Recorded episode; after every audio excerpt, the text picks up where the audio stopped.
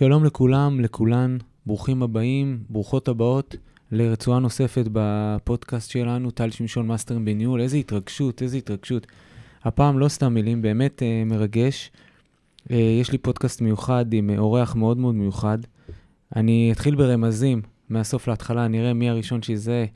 מי הראשון שמזהה, שלא יודע, שיקפוץ במקום, ומילא לא יכול לראות אתכם, מה זה משנה. העורך שלי אבל הוא מאמן הכושר הגופני המוביל בישראל. ב-30 השנה האחרונות משמש כמאמן כושר בקבוצות הכדורגל המובילות בארץ, כולל ארבע שנים בנבחרת ישראל. מי שקטנוני וחייב לדעת, אז היה שנתיים בנבחרת הבוגרת ושנתיים באולימפית. קבלן אליפויות סדרתי, כולל בעונה האחרונה בקבוצת מכבי חיפה. כן, מי כבר הבין? נכון. אז עכשיו אני אגיד את הפרט הכי חשוב, כנראה בכל הדו-שיח הזה. אה, הוא אחי. לא סתם אחי. אחי, בוא, אחי, אחי, אתה אחי, אני אחיך. לא, אחי האמיתי, יש לנו את אותם הורים. Welcome, דרור שמשון. דרורי, תגיד שלום. אהלן. איזה כיף שאתה פה. כיף לי אפילו יותר, ומרגש כל ההקדמה, ויש לנו מלא מלא מה לספר על איך הכל התחיל, ברור. נרוץ, תכף נרוץ על כל ה... יהיה ממש מעניין, אני מוכן אפילו להתחייב ולהבטיח, למרות שברוך השם, תמיד זה יוצא יפה. אה, חיכיתי המון זמן לארח אותך בפודקאסט שלנו, כי ברור לכולנו, דרור, ש, שיש המון המון קווים אה, אה, משיקים, מקבילים בין ספורט לבין עסקים. מוצאים שם ב... קודם כל, ספורט הוא מיקרוקוסמוס ל- לעסקים. אני אומר את זה פעמיים בשבוע לבעלי עסקים שאנחנו עובדים איתם, ואתה יודע שאנחנו משפיעים על המון אנשים ועל המון עסקים. ותמיד נותנים דוגמאות מספורט, כי גדלתי לידך כל הזמן בספורט, והכי קל להביא משם את, ה, את הדוגמאות. אה, ואפשר למצוא בספורט כמו בעסקים את כל התבלינים, התבלינים הפיקנטיים ביותר שהחיים האלה יכולים להציע לנו. את המשמעת ומוטיבציה ואזור נוחות ולא אזור נוחות, ובכלל תורה כזאת של לאמן מישהו, ללוות מישהו, לייעץ למישהו, עם האחריות שבזה, עם הכאבי בטן שזה, וכן הלאה וכן הלאה, ועל כל זה אני רוצה שנדבר היום. ובעצם אולי נקפוץ לשאלה הראשונה בכלל. שעולה לי בראש, כי בטח מי שמאזין לנו יש לו מיליון שאלות uh, לשמוע אותך, ובזמן האחרון אתה רץ מפודקאסט לפודקאסט, ומדבר על, uh, על תרבות הגוף ואנשים ו- ו- וכל מה שביניהם, ועל זה בדיוק אנחנו נדבר. אז בואו נקפוץ לשאלה הראשונה. מה יותר חשוב על מנת לייצר הצלחה? כישרון מולד או עבודה קשה? קודם כל, הפצצת ישר עם שאלה שהיא באמת אה, עולם ומלואו. אני, אני רוצה ברשותך אה, להתחיל... הרבה חצי הרבה צעד שנים- לפני. הרבה הרבה שנים אחורה, שהכל התחיל אה, כשאנחנו משחקים כדורגל בקט רגל במגרש ליד הבית. אני בערך גר שמה, 20 שעות ביממה. אתה מצטרף אליי, צעיר ממני, אחי הצעיר בחמש שנים, אבל בא איתי לכל משחק קט רגל. ברור. אה, טל כמו טל, איך תמיד אנחנו אומרים, שני פסים מתחת לעיניים, לא רואה ממטר גם את המבוגרים ממך, ומשם מתחילה באמת, אה, משם מתחילה באמת הצלחה. אז בוא נחבר את השאלה המעולה שלך אה, לכל הסיפור של אופי של אדם, אופי של ספורטאי, וכמובן שברמות הגבוהות צריכים גם כישרון, וצריך להיות איזשהו סוג של פוטנציאל שאותו אנחנו אה, רוצים לממש, אבל בלי האישיות הנכונה, הוכח כבר כל כך הרבה פעמים, לא מגיעים לשום דבר. והאישיות הנכונה מתקשרת להתמדה ועבודה קשה ו- ועוד כהנה וכהנה דברים שתכף אנחנו נדבר עליהם וגם נראה עד כמה הם משיקים באמת בין התחומים. בין כן. העבודה שלי לבין החיים שלכם בעסקים. ברור, כי אתה יודע, אנחנו בסופו של דבר פוגשים בעלי עסקים שמאוד מוכשרים במה שהם עושים, הרי לא, הם לא הלכו ברחוב וזרקו עליהם כן, עסק יום כן. אחד, הוא מוכשר במשהו. כן. עכשיו, יש שם המון את המשל הזה של שף שפתח מסעדה. זה שהוא יודע להיות שף טוב, זה לא אומר שהוא יודע לנהל את המסעדה נכון. טוב. והמעבר הזה דורש ממנו בעצם מעבר לעולם תוכן אחר, וללמוד ולדעת לעשות. דבר, דברים אחרים. וזה בסופו של דבר מביא אותו לעולם ניהולי דרור, שהשורה התחתונה היא, וזה גם אתה פוגש בטח עם השחקנים, שיש דברים שצריך לעשות ולא רק רוצים לעשות. ועל זה אני שואל אותך, כשאתה מסתכל על שחקנים, הרי עברו לך מאות בידיים, אולי הכי מוכשרים שהיו פה בארץ, נכון. וגם חלקם פחות. תן לנו קצת על הסיפור של כישרון והתמדה, ואיזה סיפור על מישהו שהוא לא רק מוכשר, הוא גם מתמיד, ומישהו שאם היה מתמיד היה קורא לו, ואנחנו נעשה מזה את אני- ההקשרים לעסקים. אני דווקא אדבר על הפוזיציה שלי, זה כן. מעניין. כי כמאמן כושר גופני, ואתה כבר נתת לי פה את כל הסופרלטיבים, אני סוגר 30 שנה על המגרשים עם לא מעט הצלחות, וגם לצערנו רגעים פחות טובים. אה, פגשתי בעשרות ואולי מאות אנשי מקצוע מצוינים מבחינת הפוטנציאל שלהם, מלא ידע, מלא מה לתת, והם לא יכולים לתת בתחום הספציפי הזה, הם לא מסוגלים להרגיל את עצמם לדפוסים, או לקצב, או, ל, או למסגרת מסוימת, כמו למשל הכדורגל הישראלי. לטוב ולרע יש לזה המון המון אה, היבטים. אה, מה שאני מתכוון להגיד, שאפילו בתחום שלי כמאמן כושר גופני, צריך קצת מעבר.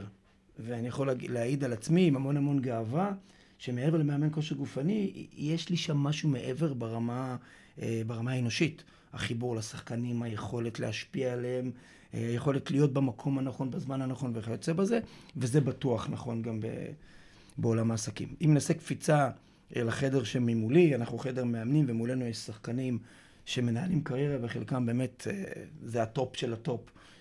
גם מבחינת הרמת לחץ שהם עומדים בו, גם מבחינת מה שהם לוקחים על עצמם על הכתפיים שלהם, גם מבחינת המשכורות שלהם. אז החלוקה שם היא מאוד מאוד ברורה.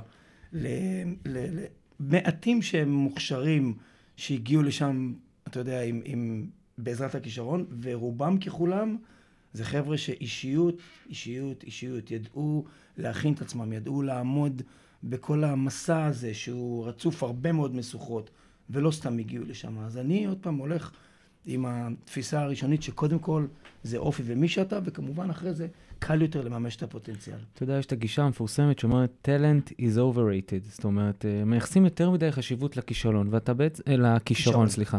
ואתה אומר, אני ראיתי את זה בעיניים שלי. אנשים שבאו ונתנו עבודה פה לאורך שנים, מה, הם ידעו לשפר את היכולות שלהם? ראית את זה בביצועים שלהם?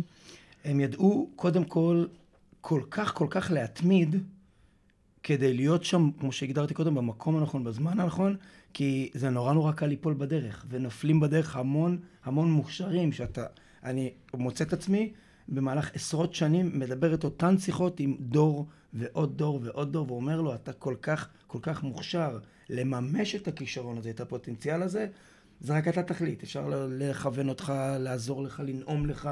אם אתה לא לוקח החלטה שאתה על זה 24-7, אתה לא נוגע, אתה לא הולך לפגוש את אלוהים. ואתה יכול.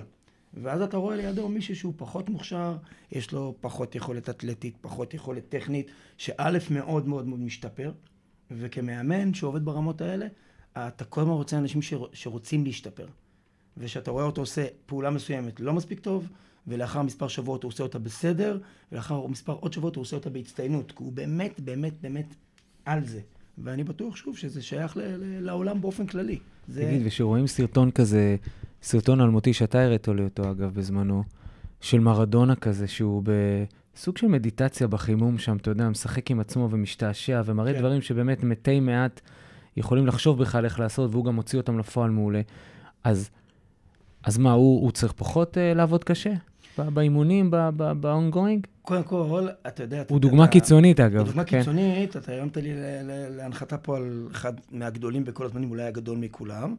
אה, הוא דוגמה קיצונית כי הוא כאישיות היה מאוד מאוד שנוי במחלוקת. נכון. טיפוס מאוד מורכב, מאוד מוחצן מחוץ למגרש. אה, אתה יודע, שותף לכל שערורייה אפשרית, ועל נכון. המגרש אה, קוסם. אני בטוח שהוא עבד קשה, הוא נורא נורא נורא אהב את הכדורגל, אבל הוא עבד קשה בדרכו. עכשיו שוב, אני נתקל בהרבה מאוד טיפוסים כאלה ש, שהם מיוחדים, ואני למדתי עם השנים מאוד לתת להם את המקום שלהם, אני לא יושב להם על הראש וגוער בהם ומושך אותם למקומות שהם לאו דווקא אזור הנוחות שלו, אני נותן לו לבוא לידי ביטוי בדרך שלו, ומרדונה הוא דוגמה מאוד מאוד קיצונית, אבל הכוח העיקרי של מרדונות, סתם בקנה מידה ישראלי, היה לנו את אייל ברקוביץ', היה לנו פה את יוסי בניון, שחקנים גדולים, זה שהם, שהם באמת לא מפחדים מכלום. וזה יתרון עצום, ובשנייה אתה יכול להשליך את זה על העולם שלך, יש כל כך הרבה צמתים, שבהם אתה או יש לך ביצים ואתה הולך על זה על מאה, או שאתה פתאום מתחיל טיפה לגמגם. הם לא מפחדים מכלום. מרדונה היה אחד כזה שתמיד כשיש צרות, נותנים את הכדור אליו. נכון. 30 אלף, 50 אלף, 70 אלף צופים, אה, מיליון אנשים רואים את זה, או עשרה מיליון רואים את זה, הכדור הולך אליו והוא יודע מה לעשות עם זה. ואם תעשה השלכה לעולם הכדורסל, אז כל המייקל ג'ורדנים שהכדור הולך אליהם בשניות האחרונות, נכון. זה אנשים מיוחדים. אפילו אה, דוגמת טריה מהשנה, כי גם ישמעו אותם הרבה אנשים שלא חובבי כדורגל, אז אני לא רוצה דווקא לדבק לכדורגל, אבל אני אומר, אפילו עומר אצילי כזה שבבאר שבע, שכל המדינה מדברת על המשחק, וכולם uh, בהתחלה, אתה יודע, ככה כן. קצת מפחדים מהכדור ולא לעשות את הטעות, והוא רק מחפש את הזווית ונותן את הגול נכון. בדיוק. יש פה איזו חתירה למגע שהיא מעידה על משהו, למגע זה, זה, על זה משהו מנטלי שהוא, שהוא נותן ערך מוסף לשחקן. תקשיב, חתירה למגע זה הכותרת של הדברים. למה אני מתכוון? שחקני כדורגל, כדורסל, בכלל ספורטאים שמשחקים בחלק הקדמי, המוציאים לפועל, אתה מיד נתקל באנשים מהסוג הזה, שהם כל הזמן מחפשים עומק, מחפשים בלגן, מחפשים לעשות גול, לעשות פס לגול, לעשות איזושהי פעולה שהיא משמעותית. וכמובן שבשבילם קונים כרטיס למשחק הכדורגל, כי רוצים לראות את האנשים המבריקים האלה, והם לא יכולים לאכזב, הם צריכים באמת לקחת את הפעולות המשמעותיות. אז גם בחיים העסקיים שלנו, אתה יודע, אפילו אירוע גדול כמו הקורונה שליווה את כולנו, ואני הלכתי באובססיביות בכל מדינת ישראל, בין מאות בעלי עסקים, וצעקתי עליהם, תעברו להתקפה, תעברו להתקפה, בניגוד למה שכולם עשו, שהלכו להגנה ולדפנסיבה, ורק לא להיפגע. ומי שחתר למגע שם, דרור, השתמש בידע והכלים הנכונים, בעולם העסקי, וגם בעולם הפיננסי וגם בעולם השיווקי. אולי אפילו קרה לו טוב. קרה לו טוב, קרה לו מה שאמרנו לו שיקרה לו. בסופו של דבר, אחרי האירוע הזה, הוא מצא את עצמו עם נתח שוק גדול יותר, כי הוא העז יותר, כי הוא, כן. כי הוא רץ יותר והוא חתר יותר, והחתירה למגע הזאת היא, היא באמת אה, משהו שהוא מאוד מאפיין אה, עכשיו אני אוסיף לך עוד בעלי עסקים שהם בשפיץ. אתה, אתה מדבר על ה, באמת על נקודות השקה בין התחומים, אז אני עובד כבר כמה שנים טובות עם מאמן מאוד מצליח ישראלי, שנחשב צעיר אה, יחסית ל, ל, ל, לשנים שהוא מצליח בהן, ברק בכר, שהוא תמיד בוחר בהתקפה. וגם כן. ברגעי מצוקה, אה, אי אפשר להזיז אותו מה-DNA הזה. הוא בוחר בהתקפה. זה יכול פעם בגם אולי לעלות לו ביוקר, אבל בגדול, זה ה-DNA של האיש. גם ברגעים פחות טובים, הוא יכניס עוד חלוץ, הוא יתקוף, כמו שכרגע תיארת. נכון. ובדרך כלל זה גורם ליריבה טיפה להתבלבל ולא להבין מה קורה, וזה נותן תוצרת טובה. תגיד, וספורטאי עילית, שגדלו הרי באגודות טובות וגידלו אותם טוב, הם, הם הרבה מדברים, עושים ונטילציה איתכם עם הצוות על מונחים כמו נחישות ו- ו- והתמדה, ואפילו בזמנים של פציעות, הם עוברים הרי הרבה, כן. הרבה סיבובים. יש הרבה עניינים מנטליים, הרבה משחקים עם הראש, מה אומרים להם, איך אומרים להם. אני, אני אגיד לך את זה, אני אגיד לך את זה על העולם שלי, טל. אה, הרי התחלתי את דרכי ואתה ליווית אותי מ-day one. כמאמן כושר גופני פר אקסלנס, אני התעסקתי כל היום בדפקים ובמרחקים שרצים ובמי יש לו יותר יכולת אירובית או יותר mm-hmm. נתונים אנאירובים וכיוצא בזה. ועם השנים בעצם הצלחתי להבין את נקודת ההשקה המטורפת בין העולם הפיזי לעולם המנטלי. ואני חושב שגם אני כמאמן כושר גופני כל יום מעביר מסרים שקשורים לנחישות, להתמדה, לעמידה בלחצים, ל... זאת אומרת שעם כל הכבוד לקטע הפיזי, אם לא יהיה שם מישהו מאוד מאוד מאוד חזק נפשית, ואת זה אתה קולט בשלושה ימים עם כל ספורטאי, לפי שפת הגוף שלו, לפי ההחלטות שהוא לוקח, לפי ההתנהלות שלו, לפני האימונים, תוך כדי האימונים, לפני המשחקים וכיוצא בזה, אז החיבור הזה בין העולם המנטלי לעולם הפיזי הוא עצום, והשיח הזה הוא שיח על בסיס קבוע, אפילו, אפילו כדרך אגב. כן, אתה יודע, יש משפט שלי מוכר שאומר שהעסק לא יגדל יותר מבעל העסק. כמה שבעל העסק יגדל, העסק יגדל. לא יכול להיות מתמטיקה שהעסק פתאום יגדל ובעל העסק הוא בתודעה נמוכה. אז אתה אומר, אתה אומר זה גם ככה אצל שחקן, זאת אומרת, צריך לפתוח לו את הראש ומנטלית לעבוד איתו כדי שהוא יוכל לתת יותר מעצמו, יוכל לתת את הכי טוב שלו? מטבע הדברים, אתה תקבל תמיד ספורטאים שהם מאוד מודעים והם מאוד שמה והם רוצים לבוא ולשמוע ולהתייעץ ולהיפתח באמת לעולם הזה, ואחרים שצריך טיפה לדחוף להם את זה יותר בכוח. הם מעטים. בעשור האחרון, פחות ופחות שחקנים שאני צריך... לרדוף אחריהם, עם מסרים, אתה יודע, עם הצבת יעדים, ותקשיב, אתה חייב לעשות 1, 2, 3 כדי להצליח, כי רובם באמת בבילדין שלהם, הם, הם איתנו על זה. ואני רוצה רגע לגשת איתך למונח אסטרטגי שאנחנו מדברים עליו ברמה העסקית, באובססיביות. מה לעזאזל ייחשב כהצלחה? מה ההישג הנדרש? אני יוצר הרבה מאוד בעלי עסקים, לא משנה, גם עסקים מאוד גדולים ומאוד מצליחים, ואומר לו, רגע, עצור רגע סוסים. מה יגרום לנו להרים כוסית בסוף השנה הזו ולהגיד, השגנו את ההישג המקצועי שרצינו, השגנו את... מה ייחשב כהצלחה? ואנחנו פורטים את זה כמובן אחר כך לכל מיני אירועים אה, אה, טקטיים, כדי להעלות את רמת השליטה במה שקורה בעסק ולהגיע להישג המיוחל שמלכתחילה הגדרנו אותו. אתה יודע, וכשאתה מגיע לפעמים לאנשים עם הגישה הזאת, אומרים לך, רגע, מה, למה אני צריך את כל זה? מה, אני לא רוצה להצליח? מה, אני לא רוצה שיהיה כמה שיותר? אתה רוצה לקרוא לזה בשם. אני רוצה לסמן, ואני אומר, תקשיב, שזה חד-חד ערכי, יש לזה כוח שאי אפשר לעצור אותך, זה, זה, זה, זה, זה לייזר. עכשיו אני עובר רגע לכדורגל, ו, ואני אומר, אוקיי, ברור שההישג הנדרש הוא לעשות את הכי טוב שלנו, במונחים של מכבי חיפה, נגיד, של השנה או שנה שעברה, שהביאו צוות מעולה מבאר שבע, מדברים בשפת התארים וקוראים לזה אליפות, קודם כל. אבל אני אומר, מעבר לזה, פורטים יעדים, מטרות לקבוצה, לשחקנים מסוימים, לשלבים מסוימים. יש, יש, מדברים על מה ייחשב כהצלחה? א', אנחנו כל הזמן מתעסקים בשני המישורים, קבוצתי ואישי, המון המון עבודה אישית ופרטנית עם אנשים, על במה הם טובים, במה הם צריכים להשתפר, במה הם לוקים, למרות שברמות הגבוהות אתה לא אמור לקבל שחקן ממש עם ליקויים, אבל לכולנו יש מה לשפר. במקום הראשון צריך שבאמת יהיה מולך מישהו שהוא מודע לזה שיש לו מה לשפר. כי מי שחושב שהוא יודע הכל, אתה בבעיה קשה מאוד איתו. אנחנו משתדלים מלכתחילה לא לבחור אנשים כאלה, אלא כאלה שמבינים שיש פה איזה דרך. אמ, איך יודעים, אגב, סליחה שאני קוטע אותך בסוגריים, איך יודעים מי הטיפוס, מי נכנס לך לחדר בתחילת השנה? זו שאלה מעולה, כי, כי זה הרי כל כך, כל כך השפיע על, על הכימיה איתו ועל מה יקרה פה לעזאזל. אני אתן לך כדוגמה. כן. ראשית, בכדורגל הישראלי כולם מכירים את כולם. זאת אומרת, אם תשאל אותי על שחקנים בקבוצות אחרות, אני די מכיר את ההתנהלות, פחות או יותר, עם, מי, יש לי עסק ברמת, ה, ברמת האישיות. Uh, כשמביאים שחקנים מעבר לים, אנחנו נתקלים מדי שנה, מדי עונה, וכמעט בכל קבוצה, בשחקנים שהפוטנציאל שלהם הוא עצום. מה שראו בווידאו זה ביצועים שבהחלט יכולים להתאים ולשדרג, ואז אתה מקבל טיפוס שלא לקחת כל כך בחשבון שהוא יהיה לא קל לעשות איתו את המסע הזה ולממש את הפוטנציאל הזה. אז זה שחקנים שאנחנו לא מכירים, והשאלה היא מעולה, כי לדעתי יש לנו איזה דרך לעשות כדי להשתפר בעניין הזה ולדעת בדיוק את מי אנחנו מקבלים ברמת האישיות. במכבי חיפה השנה נבנתה קבוצה בתחילת השנה על בסיס מצוין של שנה שעברה, שהיא שנת אליפות. ובפתיח של העונה, ברק המאמן מחליט להביא שחקן שקוראים לו שון גולדברג, mm-hmm. שהוא מגן שמאלי בתפקידו, והורמו מלא מלא מלא גבות. למה דווקא שון?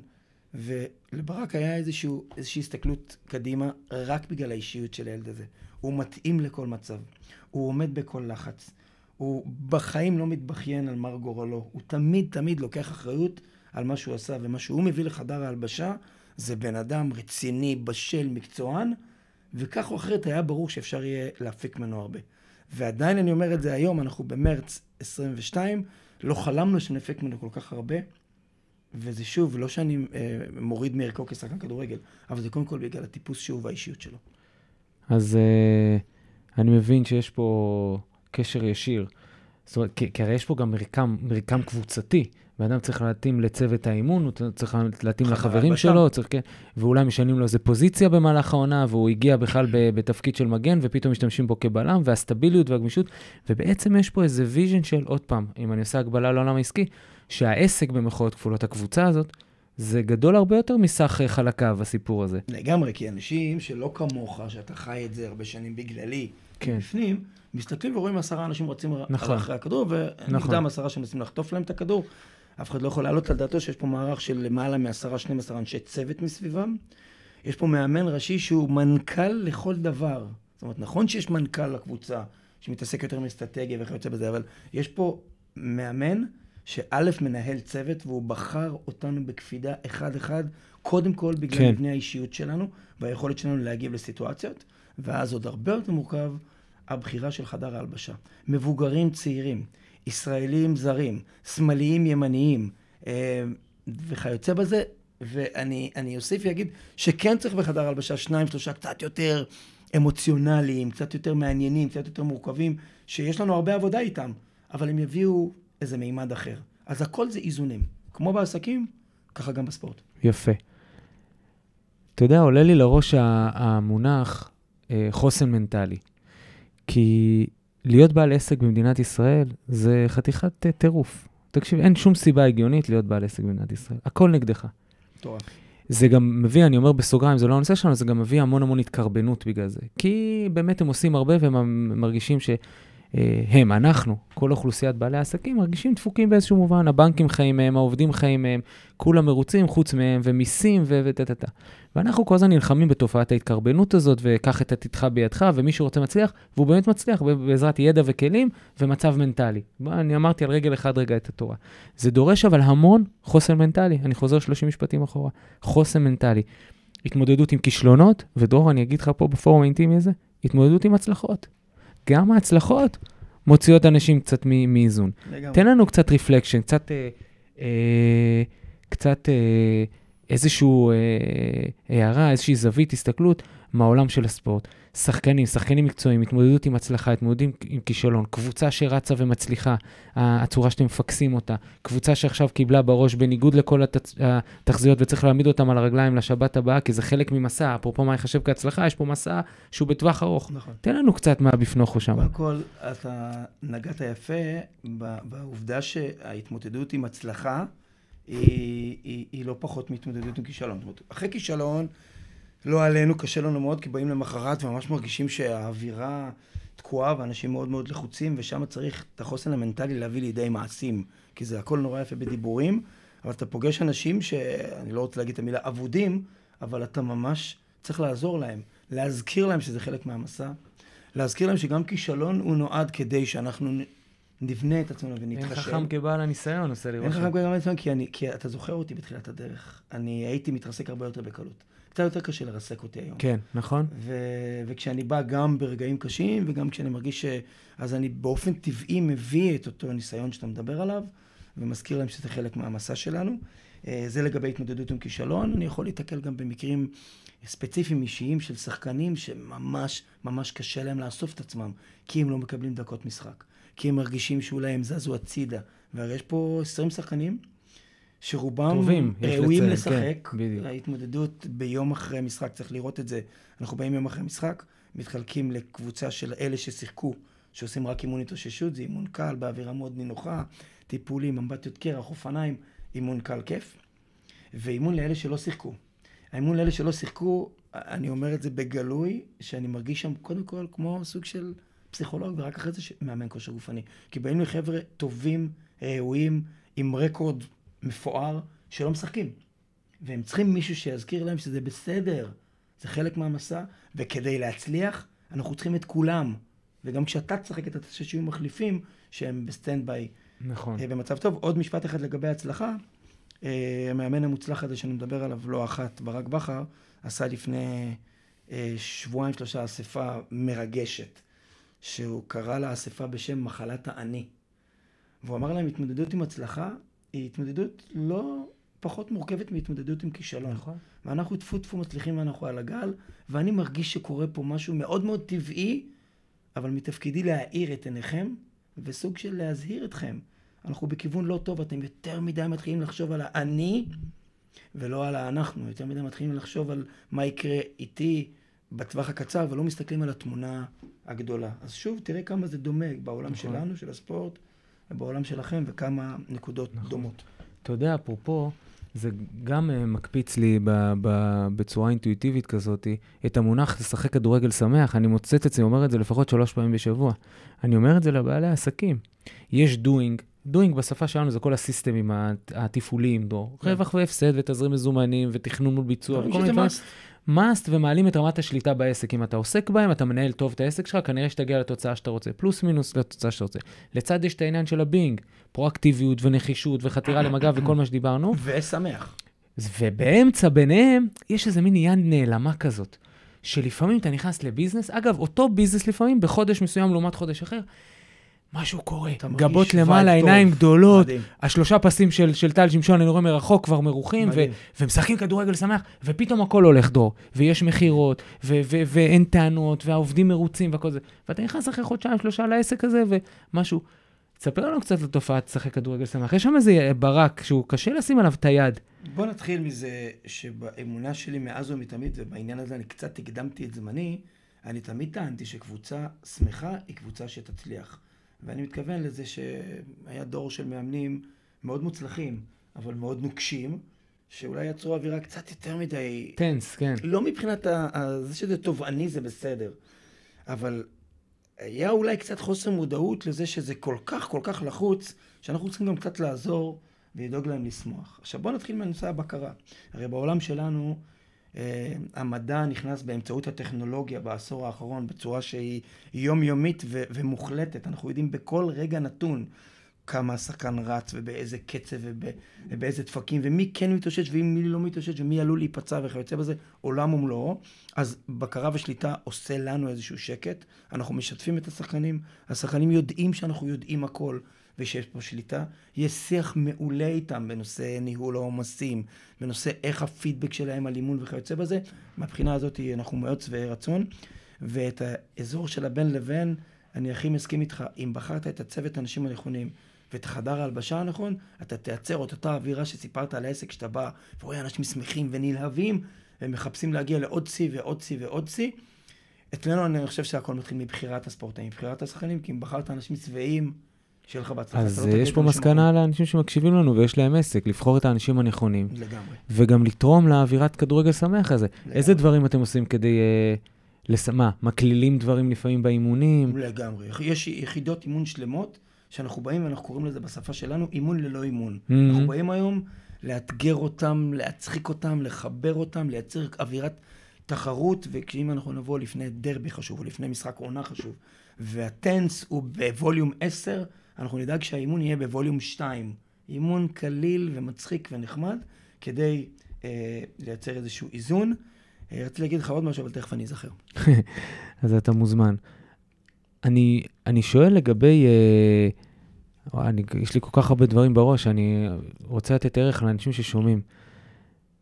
אנחנו אומרים בזירה העסקית הרבה מאוד את העניין גם של, כמו שאנחנו מדברים על אזור ההצלחה, אנחנו אומרים, בסופו של דבר, הנגטיב של הדבר הזה, הצד השני של המטבע זה שהצלחה זה לא פוקס.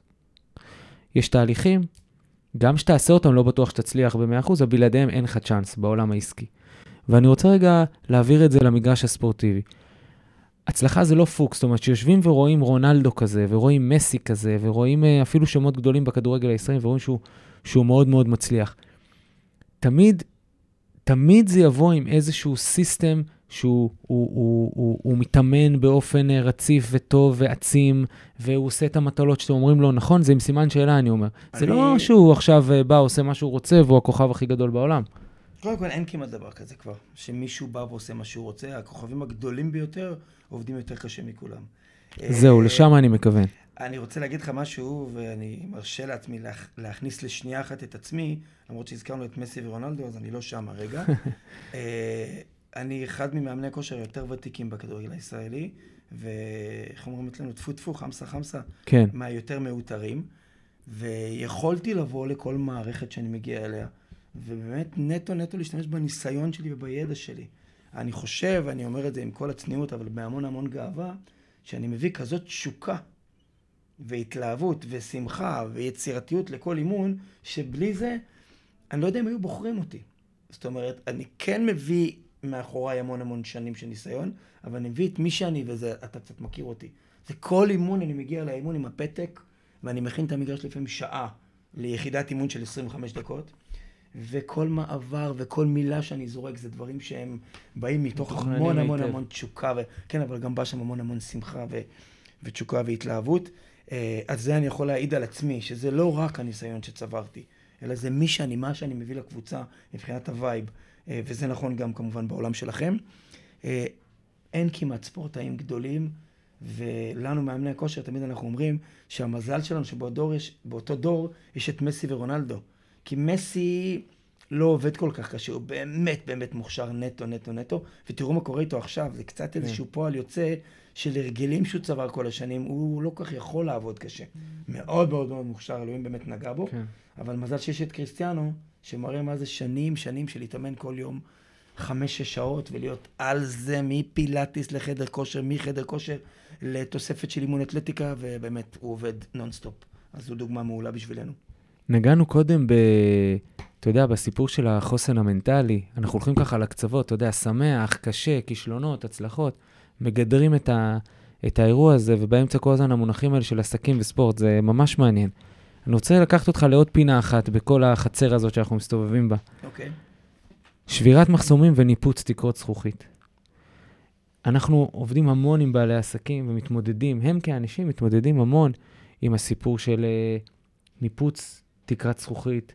אה, הם מחזיקים המון, כמו כולנו, כאנשים, כפרסונות, לפני שהם בעלי עסקים, כן. פרדיגמות מסוימות, תפיסות מעכבות, שאנחנו נלחמים בהם אה, מלחמה כדי לשבור את המחסומים האלה ולהגיע למצב שהם מנפצים את התקרות זכוכית, והנה, הנה, אתה יכול. אגב, שמה זה נקרא הצלחה. מצליחים זה סם מאוד ממכר, אז רוצים מזה. רוצים מזה עוד. אבל איך אתה חווה את הסיפור של שבירת מחסומים, שחקנים, אה, שחקני עילית כאלה?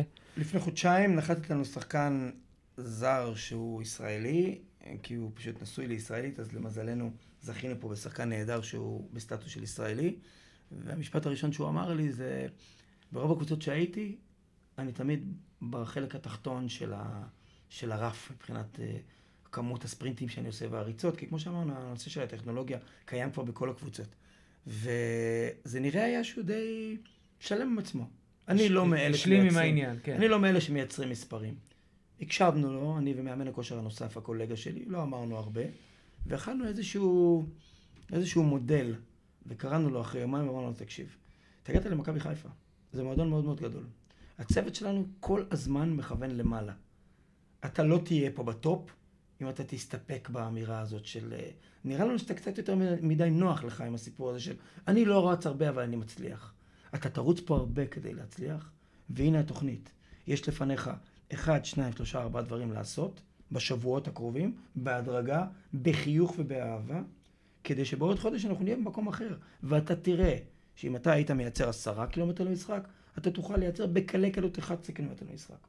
אם אתה היית מייצר 50-60 ספרינטים, זה בשפה שלנו, אה, יש פה איזשהו פרוטוקול מסוים של ספרינטים, אתה תוכל להגיע גם ל-60 ו-70 ספרינטים, ואתה תהיה שחקן טוב יותר.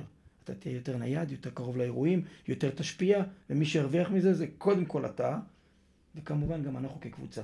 אנחנו משקפים דבר כזה לשחקן, ברוב המקרים הוא איתנו על זה, וזה בדיוק מה שכרגע הסברת, הוא ינפץ את אותה תקרת זכוכית, שהיא ברוב המקרים היא שגויה. אתה שבוי בתוך כל מיני החלטות שאני, זה טוב לי, אם אני אעשה ככה אז יהיה לי טוב, אם אני לא אעשה ככה, זה דברים שאנחנו יכולים בהחלט לעזור להם ולכוון אותם. ושוב, זה פוגש מן הסתם את האופי של אותו בחור, של אותו שחקן, שמן הסתם שם את אותם שלושה פסים והסתער קדימה על התוכנית, ובאמת רצה מגמת שיפור, אני- היה יכול לפגוש אישיות אחרת שם, יותר מסויגת. אני בדעה שאותו אחד שהוא, שהוא עם שלושה פסים מתחת לעיניים, והוא באמת על מאה, לא היה בכלל כזה שיח, כי הוא כל הזמן מכוון למעלה. אבל יש כאלה שצריכים עזרה, קצת יותר דפנסיביים. כן. וגם בעסקים יש כאלה שנכנסו, אבל הם נכון. כנראה יש להם איזשהו רגע של גמגום או רגע של משבר או צומת דרכים שהיא קצת יותר מורכבת, ואנחנו צריכים לעזור להם ולהזכיר להם. שלושה פסים מול העיניים והכל אפשרי. ורובם אה, ישתמשו בכלים שאנחנו ניתן להם, ובאמת אה, ישברו את תקרת הזכוכית. נכון. אז למדנו, למדנו המון, דרור, למדנו ממך המון. למדנו על אה, שחקנים אה, אפורים שיכולים להתמיד ולהצליח, כי יש להם system טוב. כאלה, לגמרי. אה, למדנו על חוסן, על אה, ש... שבירת מחסומים, על הצלחה זה לא פוקס, מה לא. על ה bonding הזה בין עסקים לספורט. אה, אם תסכים, אם יהיה לך את הזמן, אז נשמח לארח אותך גם בעתיד עוד ונמשיך את. השיח המאוד מאוד. מעניין הזה. אה, בעיניי, דרור, השילוב בין המקצוענות שבך לאופי, לצורה שאתה עושה את זה, אה, הופכת אותך לאישיות. כמובן שאני לא מתיימר להיות אובייקטיבי, אבל בעיניי את אישיות גדולה משכמך ומעלה, ואני מאוד גאה בך. ותודה רבה ש... שהצטרפת. ואני מקווה שנפיץ את הבשורה, כי אנחנו שנינו אנשים שמאמינים באנשים ולהשקיע טובה ולשים מטרות. ויעדים ולהסתער עליהם, וזה חלק מהעניין. אני אומר הדדי אח קטן, ולפעמים אני לא מרגיש שאתה אח קטן, כי אתה כבר קצת אה, גדלת לנו. אנחנו אומרים גיל ואני, שגיל זה האח הבכור, שאתה האח הכי מוצלח מבין השלושה, אז אה, יאללה, שרק נמשיך להצליח. תודה רבה ותודה להורים היקרים שלנו. חבר'ה, תודה רבה ששמעתם אותנו, נשתמע ברצועה הבאה. תודה, ביי.